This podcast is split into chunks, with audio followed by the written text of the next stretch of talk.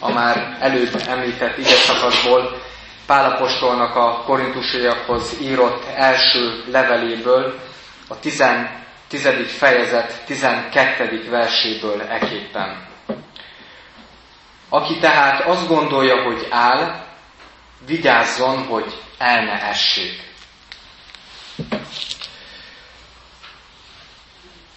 A mai prédikációnak az alapigéje, tehát ez az ige, aki tehát azt gondolja, hogy áll, vigyázzon, hogy el ne essék, de lényegében arról fog szólni, amiről a lekció szólt maga, mi lényegében három részre tagolható. Az egyik az, ahogyan Pálapostól visszatekint az Ószövetség népének az életére. Nagyon izgalmas, hogy lényegében Pálapostól 6-7 verszakban tanítói módon visszatekint arra több mint 40 évre, amit Mózes töltött a néppel együtt.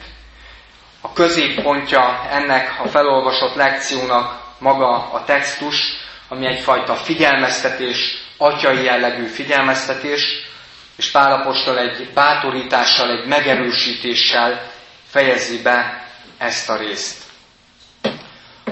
A lekciónak és a textusnak is a felolvasott vagy hallott része az nem másról szól, mint arról, hogy milyen veszélyt hordoz magában az, hogyha az ember elbízza magát. Persze alapjában véve azt szoktuk mondani úgy egyetemesen a magyar népről vagy nemzetről, hogy nem vagyunk egy optimista nemzet, amiről azt is mondhatjuk, hogy nem vagyunk egy elbizakodott nemzet, sokkal inkább átadjuk magunkat a pessimizmusnak, vagy egyfajta a letargiának, vagy a szomorúságnak, de mégis azt lehet látni, hogy akarva akaratlanul az egyéni életutakban nagyon könnyedén felüti a fejét, hogy valamiért vagy valahogyan elbízzuk magunkat, de a történetből, a történet soraiból, vagy az igék között azt lehet olvasni, hogy nem csak az elbizakodottság lehet veszélyel az embernek az életére, hanem az, amikor átadjuk magunkat a rutinszerűségnek. Amikor bizonyos történetek, vagy ismétlődő történetek után, vagy jól megszokott sémák után nem gondoljuk végig, hogy mit miért teszünk, akkor nagyon könnyedén ez félrevihet bennünket. Pálapostolnak itt a fókuszpontja a gyülekezet életére nézve pedig pontosan az volt, hogy maga a korintusi gyülekezet túlontúl is magabiztos volt a saját tudásában. Magabiztos volt abban, hogy az ige, ahogyan ők értelmezik, és ők azt megcselekszik, az egy olyan követendő példa, amihez hát bár persze fontos, hogy mit mond Pálapostól, de igazából nem befolyásolja azt, hogy ők, ők mit és hogyan tesznek. És Pálapostól ezt látva tekint vissza az Ószövetségre tekintve, és elhangzik az igében, vagy elhangzott az, hogy Pálapostól azt is mondja, hogy mindaz azért történt az Ószövetség népeivel, hogy az példa lehessen a korintusi gyülekezet számára, én pedig csak folytatni tudom ezt a sort, hogy példa lehessen a mi számunkra is, hogy mi mindenre kell odafigyelnünk, annak érdekében, hogy ez a jellegű elbizakodottság idézőjelbetéve mondom, vagy éppen rutinszerűségnek ne legyünk az áldozatával, de elsősorban az Istennel való kapcsolatunk ne szenvedjen csorbát. Mert hogy az elbizakodottságot le lehet fordítani arra, hogy valahol úgy fogalmazható meg, hogy én tudom.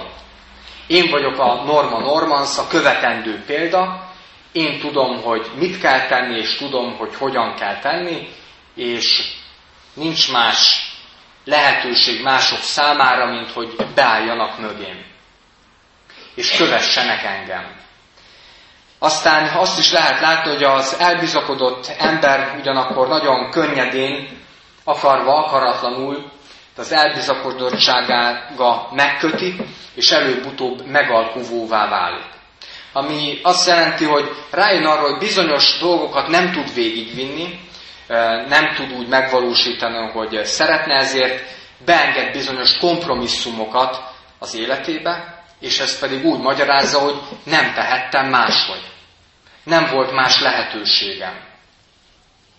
Tehát az elbizakodottság megköti az embert, hogy ez a tökéletes, ahogy én gondolkodom, és ahogy én cselekszem, és ezután jön rendszerint nem biztos, hogy azonnal, de egy kis idő múlva ezek az apró kis megalkuvások, amikor így elkezdjük lecsiszolni az asztalnak a sarkát, és próbáljuk nagyon rugalmasan értelmezni sokszor a saját életünket, és sokszor belepróbáljuk magyarázni, hogy mit miért teszünk meg, vagy nem teszünk meg. A kedvencem az ifjúság között végzett munkával kapcsolatban ebből van, amikor fiatalok nagyon sokszor azt rúják fel, hogy, hogy a tanítványoknak könnyű volt, mert ott volt Jézus, és megmondta, hogy most erre menjünk, most arra menjünk, most nem menjünk sem erre, és most mennyire, milyen rossz, hogy nincs itt Jézus, és nem mondja meg, hogy jobbra vagy balra, előre vagy hátra. Én azt szoktam mondani, hogy ez egyfajta kegyes hazugság saját magunk felé, hiszen a Szentírás nagyon is konkrétan, konkrétan megmondja, hogy mi az, amit megtehetünk, és mi az, amit nem célszerű megtennünk. Nagyon világosan beszél a szabadságról és a szabadosság közötti különbségről, és legfeljebb ez a mi válaszunk, és most már elhagyom a fiatalokat, egyetemesen ez a mi válaszunk, hogy hát de az alapján nem lehet élni. Azért ma már sokkal cizelláltabb, vagy akár bonyolultabb lehet egy embernek az életútja, mint a Biblia népének az életútja. Ez nem igaz. Mert akkor a kijelentésünkben, pont ahogyan elhangzott az imádságban, nem lenne benne az az egyetlen egy kis momentum vagy apró gondolat, hogy egyetlen egy ióta sem veszhet el Istennek az igéjéből.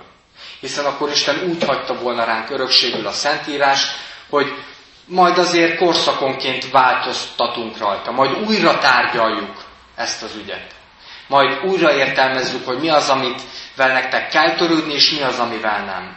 Ilyet sehol nem olvasunk, vagy én legalábbis nem olvastam. Tehát az elbizakodottságnak a lényege, hogy én tudom, mindenki hozzám igazodjon, de előbb-utóbb megjelenik az életünkben a megalkuvása, nem tehettem másképp, és a harmadik pedig ezen az úton a törvényeskedés, amikor mégiscsak egyfajta erővel azt mondom, hogy úgy, ahogy én, és sehogy nem lehet máshogy. Tessék engem követni. Mindenki, aki nem a szerint cselekszik, mint én, az bűnös. És Pálapostól lényegében, amikor ezt az igét mondja, hogy aki tehát azt gondolja, hogy áll, vigyázzon, hogy el ne essék, akkor lényegében a korintusi gyülekezet kontextusára nézve ezeket sorolja fel, ezeket mondja el. Hogy ez a jellegű magabiztosság, amikor csak önmagamat látom a legnagyobbnak, és magamat látom legelsőnek, akkor nagyon könnyedén megronthatja az Istennel való kapcsolatot. Az eredeti szövegben még egyetlen egy kitérő, nagyon érdekes, hogy az a szó, hogy áll, azt úgy fordítja le, hogy úgy is értelmezhető, hogy amikor valaki rendíthetetlenül stabilnak és biztosnak látja saját pozícióját. Amikor azt gondolja róla, hogy független bármilyen jellegű eseménytől.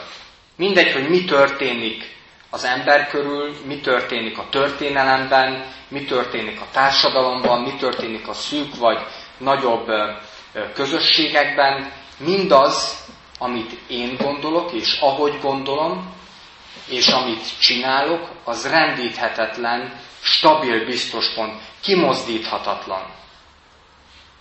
Tehát így is lehetne olvasni ezt az igét, aki tehát azt gondolja,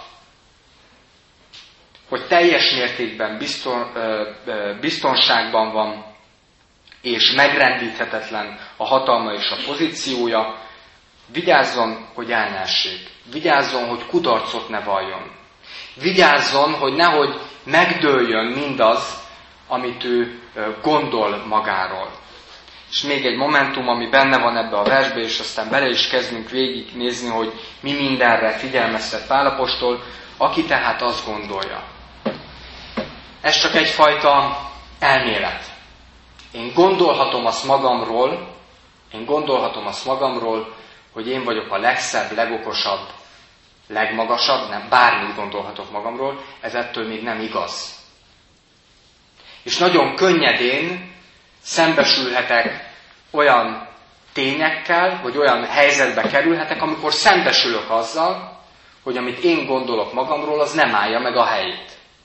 Mert abban a pillanatban, ahogy fel kell néznem valakire, rájövök arra, hogy nem én vagyok a legmagasabb.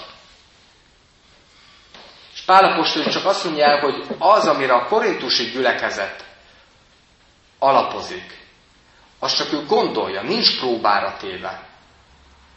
Nem igazolta senki. Ő gondolja saját magáról. És az, hogy mi mit gondolunk saját magunkról, az egy dolog, és hogy úgymond az élet mit igazol, az egy másik.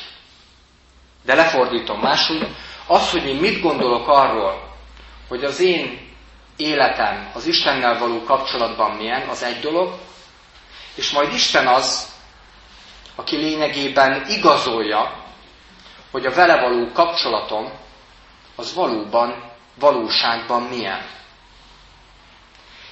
És visszatekintve arra, amit itt Pálapostól a korintusi gyülekezetnek felsorol az Ószövetség népre visszautalva, illetve a vándorlásra visszautalva. Az első furcsaság, vagy paradox dolog az az, hogy Pálapostól, amikor visszatekint a nép, az Ószövetség népére és a vándorlására, akkor nagyon sok negatívumot sorol fel, rossz eseményt sorol fel. Hiszen ebben a felsorolt pár versben végig figyelhető az összes nagyobb, nagyobb kudarca a népnek. Vagy inkább így fogalmazok, hogy egyetemes kudarca a népnek. Amit ő az Istennel való kapcsolatában elszenvedett.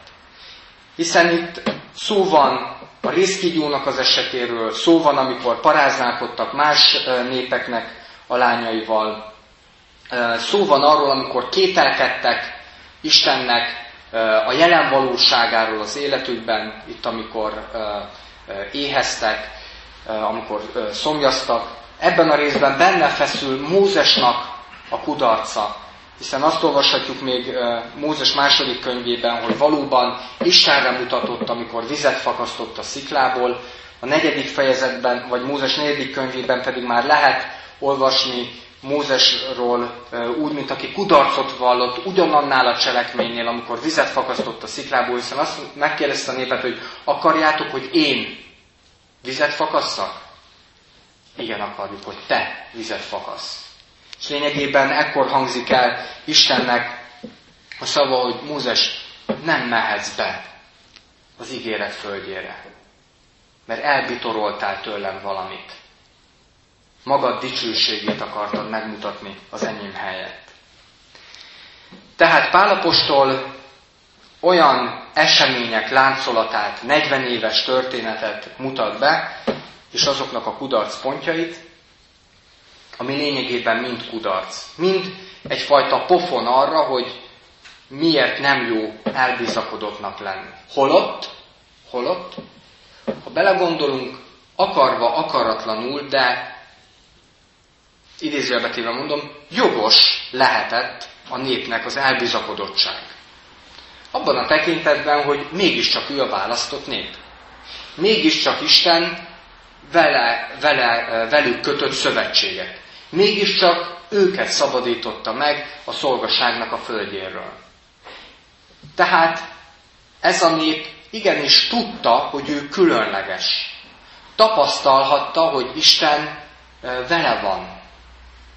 Tehát könnyedén lehet azt mondani a népnek a gondolkodására nézve, hogy lényegében lehettek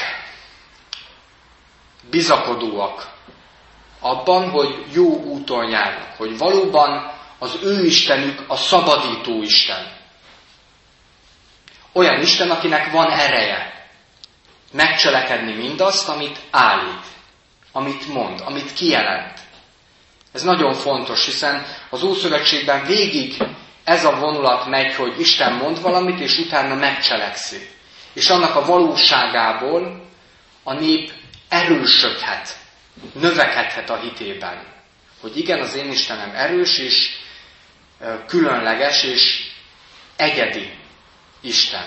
Nincs más rajta kívül, aki ilyen erővel bír. De ez a jellegű növekedés, ez a jellegű erősödés, az, hogy úgymond megy minden a maga módján, nagyon könnyedén, vagy ez a jellegű stabilizálódás oda vezetett a nép életében, hogy elfordította a tekintetét Istenről. Tehát az elbizakodásnak lényegében az az útja, vagy az a görbéje, hogy Isten megszólít, vagy van valamilyen tapasztalatom, valamilyen örömöm, akkor megerősödök benne, hogy igen, Isten velem van, és amikor úgymond megerősödtem, és stabilizálódik a helyzetem, rendszerint görbének ezen a felső ívén van az, hogy elfordítjuk a tekintetünket. És könnyedén átveheti a lelkiségünket az, hogy lényegéből tudom én, hogy mi az élet. Hogy hogyan kell jönni, menni, közlekedni a világban és annak minden visel dolgában. És rendszerint utána következik a görbének az ereszkedő szakasza vagy része, a leívelés, amikor történik valami krak, valami nehézség, valami el, szó szerinti elesés, vagy elesett állapotba kerülünk. És csodálkozunk, hogy ez miért történhetett meg. És lényegében a kulcs az nem a növekedési évben van, hanem akkor, amikor szemmel láthatólag úgy tűnik, hogy minden rendben van. Amikor úgy tűnik, hogy megy a szekér. Mert hogy alapjában véve, ha mindenki a saját élet történetére gondol, vagy a saját életére gondol, akkor nem, nem minden napunkat különleges harcban éljük meg, akár lelki, vagy akár fizikai harcban, hanem az életünk nagyobb része az a szürke hétköznapokról szól. Bocsánat, hogy az enyém arról szól, szürke hétköznapokról. Harcban, hadd mondjam így, könnyű katonának lenni. Békeidőben nagyon nehéz értelmezni azt, hogy mit jelent katonának lenni. Egy nehéz élethelyzetben, egy krízisben, egy nehézségben, vagy valamilyen felfokozott állapotban, amit nagyon szeretnénk, könnyű Istennel megtalálni a kapcsolatot, mert akkor igyekszünk minden jellegű pártfogást, vagy minden jellegű támaszt magunkévá tenni. De amikor nincs különösebb harc, kihívás, vágy, az a kérdés, hogy akkor hogyan, hogyan figyelünk az Istenre, akkor mennyire kötjük oda magunkat, a figyelmünket, a lelki és a fizikai figyelmünket az Istenhez. És ez már az a szakasz, amikor, amikor megalkulunk, amikor úgy gondoljuk, hogy hát ez azért belefér, ezt azért megengedhetem. A néprend szerint ekkor kezdett el paráználkodni, ekkor gondolta azt, hogy azért egy aranyborjú legalább annyira jó, mint maga az Isten, aki megszabadította magát. Ekkor gondolták azt, hogy, hogy mehetnek más irányba, harcolhatnak olyan népekkel is, akikről Isten nem mondta azt, hogy harcoljanak. Ekkor gondolhatták azt, hogy lényegében majd ők választhatnak maguknak királyt és uralkodót, mint ahogy más népeknél, más társadalmi szerkezetnél látják, amikor minden rendben volt. És rendszerint akkor fordultak megint Isten felé, az összes történet nagyon izgalmas, amire itt utal Pálapostól, annak az a mozgató rugója, hogy szomjazott a nép. Nagyon érdekes, hogy éhezett vagy szomjazott. Ugye a Maszló piramis alja. Amikor, amikor meg tudjuk fogalmazni azt, hogy nem komfortos nekünk. És mindig azt mondták, hogy nincs mit innunk, nincs mit ennünk. Miért szabadítottál meg bennünket? Miért hozott ki bennünket Isten Egyiptom földjéről? ahol legalább volt mit enni, volt mit inni, ugye úgy beszélnek róla, mint a húsos fazékról. Ja, igaz, hogy rabságban voltunk, de hát legalább egy ismert rendszer keretei között hajtottuk le a fejünket. Itt a pusztában meg rengeteg bizonytalanság van. sokféle veszély közepette kell megtalálni a helyünket és az irányt. És milyen álságos ez a jellegű gondolkodás, mert hogy a népnek a története, az Istennel való kapcsolatukra nézve nem itt kezdődik. Nem ott kezdődik, hogy szomjaztak a pusztában. Nem ott kezdődik az Istennel való kapcsolatom, hogy valamilyen nehézségbe keveredtem az életem viselt dolgaimban. Hanem a népnek a kapcsolata ott kezdődik Istennel, hogy Isten megszabadítja őket. Elmondja számukra, hogy kihozlak benneteket a szolgaságnak a földjéről, népemmé teszlek, az ígéret földjére vezetlek, örök életet adok nektek. Az én kapcsolatom az Istennel ott kezdődik, hogy felmutatja Isten Jézus Krisztust, az ő kereszthalálát és megváltását. És azt mondja, hogy én megszabadítalak téged a mulandóságból. Én elkészítem számodra a dicsőségnek a koronáját. Itt kezdődik a kapcsolatunk Istennel. És amikor valamilyen nehézséget lát az életünk, akkor, és ha csak azt tudjuk szóvá tenni, akkor az olyan, mintha nem értelmeznénk ezt a kapcsolatot a legelejétől. Csak ilyen impulzusszerűen. Amikor esetleg összefutunk valamilyen rég nem látott baráttal. Ó, ah, tényleg te is vagy. Hogy is hívnak? Az ügyesebbek kikerülik ezt a kérdést, vagy valamilyen nagyon általános kérdést tesznek fel, amit igazából bárkinek feltetnek, és nem derült ki, hogy úgy beszélgettek egymásról, hogy igazából senki nem tudta a másikról, hogy kicsoda. Az Istennel való kapcsolatunk nem engedi meg ezt az általánosságot. Nem engedi meg ezt a jellegű érdek szövetséget. Mert az Istennek a szövetsége, a szövetségének az alapja a kegyelem az írgalom. Még konkrétabban is lehet fogalmazni, a szeretet. Szereti az embert. Ezért teremtette. És a teremtés után pedig azon dolgozik, hogy valóban szabadságban éljünk. Vele egy szövetségbe. A kérdés az, hogy látjuk-e az életünknek azokat az áldásait, amiknek részesei vagyunk.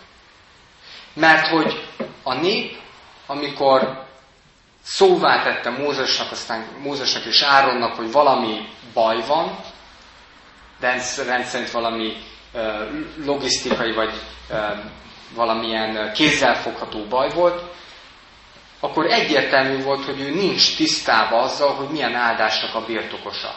Nincs tisztába azzal, hogy Isten, amit ígért számukra, azt ő folyamatosan meg is cselekszi. Elfelejtették azt, hogy mit jelent Isten szövetségesének lenni. És alapjában véve ezért nagyon fontos kérdés ez a jellegű elbizakodottság, vagy ez a jellegű rutinszerű megélése a mindennapjainknak, vagy a hitéletünknek, vagy az Istennel való kapcsolatunknak, hogy hogy elfelejtjük, ami a kiinduló pont. Igen, mert annyi minden történik. Nem csak jó, hanem rossz dolog is. De alapjában véve minden jó és minden nehézség annak az égisze alatt zajlik, hogy Isten elhív az örök élet dicsőségére. Ez, ez, ez alatt az ív alatt van az egész életünk, annak minden viselt eseményével. A kérdés az, hogy látjuk-e azokat az áldásokat, amik ott vannak Istenen keresztül. Vagy csak a nehézségekben tudunk-e hozzászólni. Mert hogy a nép, ahogyan itt Pálapostól mégis a negatív eseményeket emelte ki, példaképpen, ez nagyon fontos. Azt lehet olvasni az egész Ószövetség történetében, hogy Isten áldásai a következőt jelentették a népre nézve. Védelmet biztosított a számukra. Nagyon egyértelmű, hogy amikor a nép figyelt Istenre, akkor az a nép egy megközelíthetetlen nép volt. Mindenki, bocsánat, lepattant róluk. Vagy mindenkin át tudtak menni. Ez nem túl szép megfogalmazás, de hogy nem volt előttük akadály. Isten védte őket. Megadta a stabil keretet még akkor is, hogyha nem volt saját országuk, hiszen afelé mentek. Tehát Isten áldása a védelem. A másik a vezetés. Az, hogy Isten előttük megy, felhő és tűzoszlopba, annál konkrétabb nagyon nincs. Vezeti őket. Milyen jó az, amikor egyértelmű, hogy tudom, hogy merre kell menni. Nem tudom, amikor valaki utazik ki, milyen módon szokott tájékozódni, valaki a térképre esküszik, valaki a GPS-re, valaki tudja, hogy én ismerem az utat, mert a fejemben van, olyan gyakran megyek arra, de a lényeg csak az, hogy nagyon jó az, amikor konkrét, hogy milyen irányba kell mennem. Amikor konkrét, hogy tudom, hogy ki után kell mennem, vagy egyértelmű, hogy kire hagyatkozom, és akire hagyatkozom, jó irányba vezet el. Ez mind benne van a vezetésben. És Isten határozottan állítja, megmutatta magát a népnek, hogy nyugodtan lehet utánam jönni. És a nép pedig tapasztalhatta, hogy fizikailag és lelkileg, amíg az Úr után ment, mindig eljutott A-ból B-be. Ezt már a múltkori alkalommal is mondtam, hogy az egyik uh, uh, hobbim leáldozóban lévő hobbim az ágymászás. Mindig egy nagyon nehéz része a számomra, amikor azt mondják a mászó társaim, hogy most menjek én elől. Lehetne ez dicsőség is, hogy de jó, én vagyok az előmászó, de mindig megérzem azt, hogy ez nagyon jó, mert hogy bíznak a képességeimben, de nagyon rossz, mert mi van, ha rossz irányba megyünk? Mert hogy annak van felelőssége, hiszen utána egy közösség, egy csapat, vagy bárki azt fogja mondani, hogy hello, hát rossz irányba vezettél. Mi megbíztunk téged, felhatalmaztunk téged, és te zsákutcába vittél. És persze, ki lehet farolni a zsákutcából, de sokszor ez azt jelenti, hogy az ember mégsem érje el a célját. És le lehet ezt ugyanúgy fordítani, akár egy családi közösségre, ahol megvan, hogy ki, a, ki vezeti a családot vagy egy párkapcsolatban, hogy ki az, aki, aki megmondja, hogy merre, vagy egy gyülekezeti kontextusban, a lelkipásztor és a presbitérium, vagy a gyülekezet egésze, egy munkahelyen, ezt mindenhová le lehet fordítani.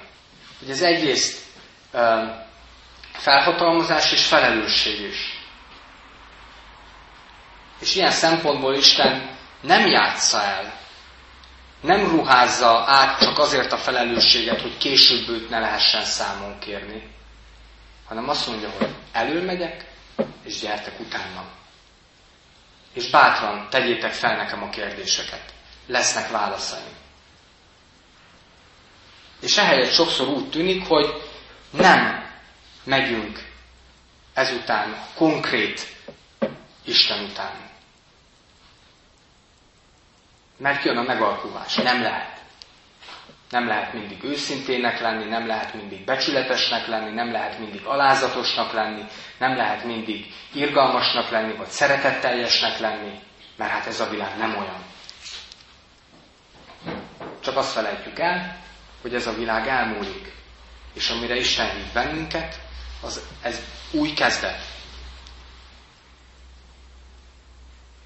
Ha nem utána megyünk, eljuthatunk célokba, de az alapjában véve a mulandóság. Tehát Isten védelmet ad, keret ez akkor is, hogyha nincs keret, megerősít akkor is, hogyha felettünk álló kihívásokkal nézünk szembe, vezet konkrétan és követhető módon.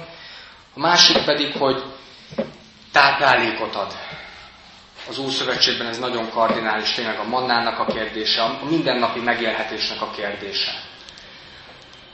Pláne, hogyha az ember már nem csak saját magáról gondoskodik, vagy népesedik a család, jönnek az unokák, sok minden, ezt mindenki saját életszakaszának vagy helyzetére le tudja bontani, de olyat nem lehet olvasni az Ószövetségi történetben, hogy a nép közül akár egy is, vagy a legkisebb, vagy a legelesettebb azért pusztult el, vagy halt meg, mert Isten elfelejtett gondoskodni róla. Ilyen nincs. Olyan van, hogy a nép be akart raktározni magának. Olyan van, hogy a nép más ország kincseivel akarta egy picit stabilizálni a gazdasági helyzetét. Ilyen van. De olyan nincs, hogy Isten elfelejtett volna adni. Olyan nincs, hogy Isten ne gondoskodott volna, és ebből kifolyólag halt volna meg valaki. A másik, ami Istennek az áldása, az pedig az, hogy képes megbocsátani. Ez is egy áldás ugyanis. Ez sem egy természetes dolog. Emberi történeteket lehet hallani, és mindig szomorú, amikor valaki azt tudja mondani, hogy már húsz éve haragba vagyok. Hát nem tudják miért.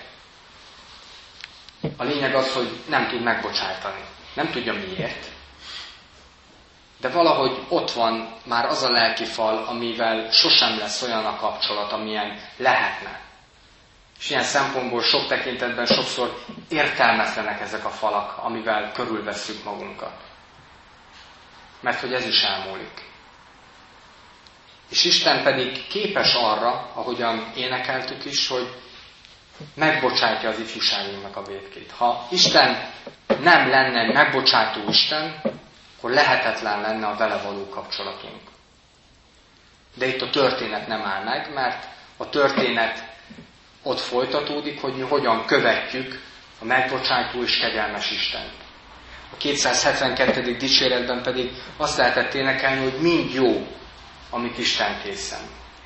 És ez azért nagyon-nagyon nehéz emberileg elfogadni és felfogni, hiszen érezzük sokszor nagyon is kézzelfoghatóan a fizikai vagy lelki fájdalmainkat, vagy nehézségeinket. Erre nagyon nehéz azt mondani, hogy mi ebben a jó. Ebben önmagában nincs semmi jó. De abban a pillanatban, ahogy én Isten égboltja alatt levőnek tartom magamat, akkor igenis van mindenből megerősödés. És minden szolgálhat arra a javamra, hogy lelkileg megerősödök, és az Istennel való kapcsolatom az a helyére kerül. És ez az, amit lényegében Pálapostól folyamatosan ebben a korintusi gyülekezetnek elmond. Hogy ezért ne gondoljátok magatokat olyannak, aki rendíthetetlen, aki tökéletesen gondolkodik az igéről. Mert ez könnyedén eltávolíthat az ige adójától, az Istentől. És Pálapostól ezt a gondolatiságát azzal fejezi be, hogy az a pecsétje, az a, azzal bátorítja a gyülekezetet és bátorít bennünket is, hogy Isten hűséges. Isten hűséges.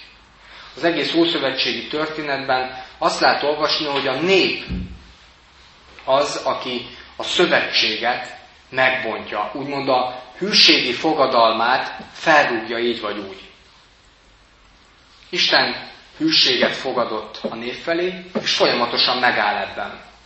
Igen, az eltévedéseknek vannak következményei. De Isten a hűségét, az, hogy a néppel együtt megy, az soha nem vonta vissza. Azzal, hogy nehézségünk van, az nem azt jelenti, hogy elhagytuk Istent.